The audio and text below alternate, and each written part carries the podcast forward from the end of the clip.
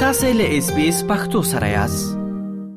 په دې وروستیو کې د هلمند سیند د حقابې په اړه د طالبانو او ایراني چارواکو ترمنځ ناندري راپورته شوې د هلمند سیند د اوبو په سر د طالبانو او ایراني چارواکو ترمنځ د غناندري او لفظي شخړې وروسته تر هغه پیل شوې چې د ایران ولسمشر ابراهیم رئیسی طالبان ته خبرداري ورکړ چې د دوی د اوبو حق ورکړي غني وروسته بیا د شکایت حق نه لري د رئیسي تر دغه خبرداري وروسته د افغانستان لپاره د ایران ځانګړي استازي او سفیر کاظمي قمي بیا طالبانو ته یو میاشت ضرب الاجل وټاکه چې د دغه مسلې حل په پار عملي ګامونه پورته کړي. قمي وویل، که چیرته اوبه وي او طالبان د ایران حق نه ورکوي، نو تهران دا حق لري چې د خپل ملت د دفاع لپاره لاس په کار شي. قومي په خپلو خبرو کې د ګواښ په بڼه وویل، که طالبان غواړي ثبات، ځمکنۍ بشپړتیا او استقلال ولري، نو باید خپلو ګاونډیو سره ښې اړیکې ولري. د هلمند سیند تړون په یو زرو درې سوه یو پنځوس کال کې د کابل او تهران ترمنځ د موسی شفیق او امیر عباس هویدا له لوري چې د هغه وخت د دواړو هېوادونو لومړي وزیران وو، لاسلیک شوی دی. د دغه موافقې لمخې په یو نورمال او له اوبو ډک کال کې چې د هلمند سیندیزې حوزې اوبه شپږ نیم میلیارد متر مکعبو ته رسیږي ایران د اته سوه شل مکعبه اوبو حقبه لري. ایران له تیرو دوو لسیزو راهیسې چې افغانستان له پرله پسې وچکالیو سره مخامخ شوی د هلمند د اوبو له درکه شکایت لري خو هم د افغانستان د تیر جمهوري نظام چارواکو او اوس وخت کې طالب چارواکي وایي چې د وچکالۍ له امله د اوبو اندازه کمه شوې ده. دا چې د طالبانو او ایراني چارواکو ترمنځ د هلمند سیند د اوبو پر سر دغه ناندري څومره د اندېښنې وړ دي او د دغې مسئلې حل په څه کې دی، د چارو شنونکي یې په اړه بېلابېل لیدلوري لري. د چارو شنونکی ستانه ګل شیرزاد وايي، د هلمند سیند د اوبو پر سر توافق شوی او په دې اړه هر ډول بحث او ناسته مردوده ده او طالبان باید د دې کار اجازه ورنه کړي نوموړي اس بي اس رادیو سره په خبرو کې وویل ایران تل هڅه کړې چې د افغانستان له ناوړه حالاتو څخه په استفادې د هلمند سیند تړون وروستۍ برخه کوم چې پر دې سیند د دریو نقطو ټاکل دي د هغه مخه ونیسي د چارو دغه شنونکي زیاته کړه چې د هلمند سیند د تړون د دغه برخې حل لپاره پکار ده چې د تخنیکی او مسلکي انجنیرانو یو ډله وټاکل شي او دغه درې نقطې معلومې کړي ایران دایم کوشش کړی دی چې د افغانستان د ناوړه حالاتو نه سوء استفاده وکړي او هڅه کوي چې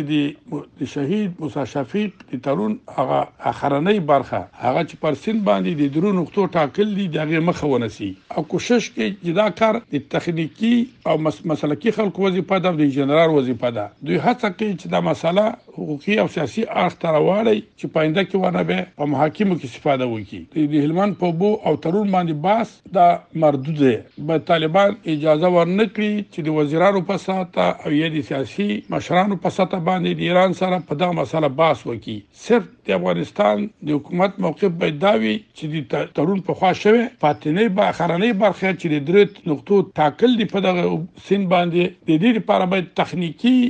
او مسلکي انجنیران وټاکل شي او دا نقطې دې په نخښه شي د چارو ځینې نور شنونکي بیا د طالبانو او ایران ترمنځ د هلمند سیند د اوبو پر سر راپورته شوې لانجه د اندېښنې وړ بولي او په خبره یې دا د دواړو هېوادونو په ګټه نه ده دوی زیاتوي چې د اوبو او بلې هرې موضوع پر سر خبرې باید د تفاهم او ډیپلوماټیکو لارو حل شي او له داسې خبرو دې ډډه وشي چې د دواړو هېوادونو اړیکو ته زیان رسوي. د مرضي اصول له مخې نه هر څه ښکاره معلوم دي. ایران هېڅ وخت له افغانستان سره خپل سوداګري او نور اړیکې نه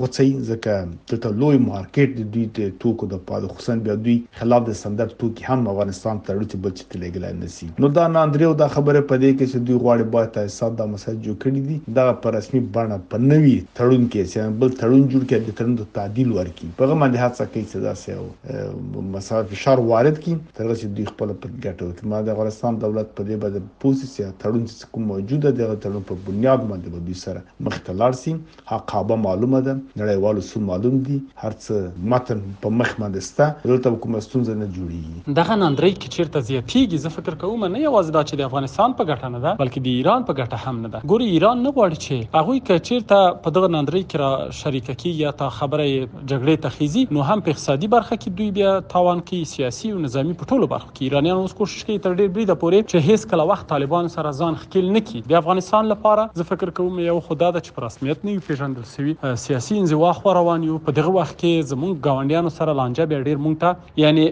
منفي پایلې لري نو په ټوله کې زه فکر کوم چې دغه مسله دواړه هیوادونه غواړي چې په سوله ییزه توګه حل شي. له دې ټولو سره سره طالب چارواکي بیا وایي چې دوی د ایران حقبې ته ژمن دي خو په دې شرط چې د اوبو اندازه کافي وي. د دغې ډلې مرستیال ویاند بلال کریمي ایس بي ایس راډیو ته وویل، وروستیو وچکالیو له امله د هلمند سیند په ګډون د افغانستان ګڼ شمېر ولایتونه له وچکالۍ سره مخ دي او په بندونو کې د اوبو کچه راټیټه شوې ده. نوموړي له ایراني چارواکو وغوښتل چې د هلمند د اوبو په اړه خپل معلومات له قانوني لارو بشپړه کړي او د داسو الفاظو له تکراره دې ډډه وکړي چې د دوو مسلمانو وروڼو هېوادونو ترمنځ فضا خرابوي. دا چې په دې وروستیو کلونو کې په افغانستان او سیمه کې سخته وچکالي تېره شوه، د اوبو سطحه ټیټه شوې،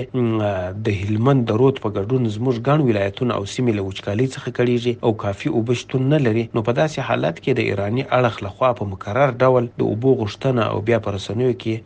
یو لړ نامناسبې څرګندونې د دواړو اړخونو، د دواړو هېوادونو په زیان بولو. ایراني چارواکي یا ایرانی جهت باید د هلمند د اوبو په اړه لومړی خپل معلومات له قانوني لارو تکمیل کړي او وروسته بیا په مناسبو الفاظو خپله غوښتنه مطرح کړي. داسې واقعیت سم نه وي مطالعه شوی او داسې څرګندونې مخې ته راځي چې د دوه وروڼو او مسلمانو هېوادونو د خلکو او هېوادونو ترمنځ سیاسي فضا خرابولای سي، دا د هیڅ جهت په ګټه نه ده او باید تکرار نه سي. اسلامي امارت یو ځل بیا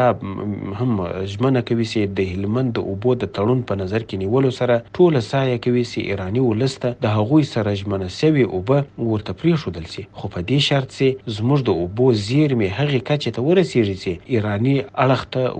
د ورخوشکولو وړتیا ولري. د هلمند سیند اوبو په اړه د طالبانو او ایراني چارواکو ترمنځ د کړکېچ زیاتېدل داسې مهال دي چې د طالبانو حکومت بیا د شنبې په ورځ له ایران سره پر پوله فراه ولایت کې د بخش اباد بند د جوړولو چارې هم پرانیستلې. د بخش اباد بند اووه دېرش میګاواټه برېښنا تولیدوي او په جوړېدو سره به یې د سیمې نږدې اویا زره هکتاره کرنیزه ځمکه خړوبه شي. د دغه بند لومړی تړون په دوه زره او شپاړس میلادي کال کې د پخواني ولسمشر محمد اشرف غني حکومت له یوه ایټالیوي او افغان شرکتونو سره کړی و. رحیم الدین اوریاخیل، ایس بي ایس راډیو، افغانستان.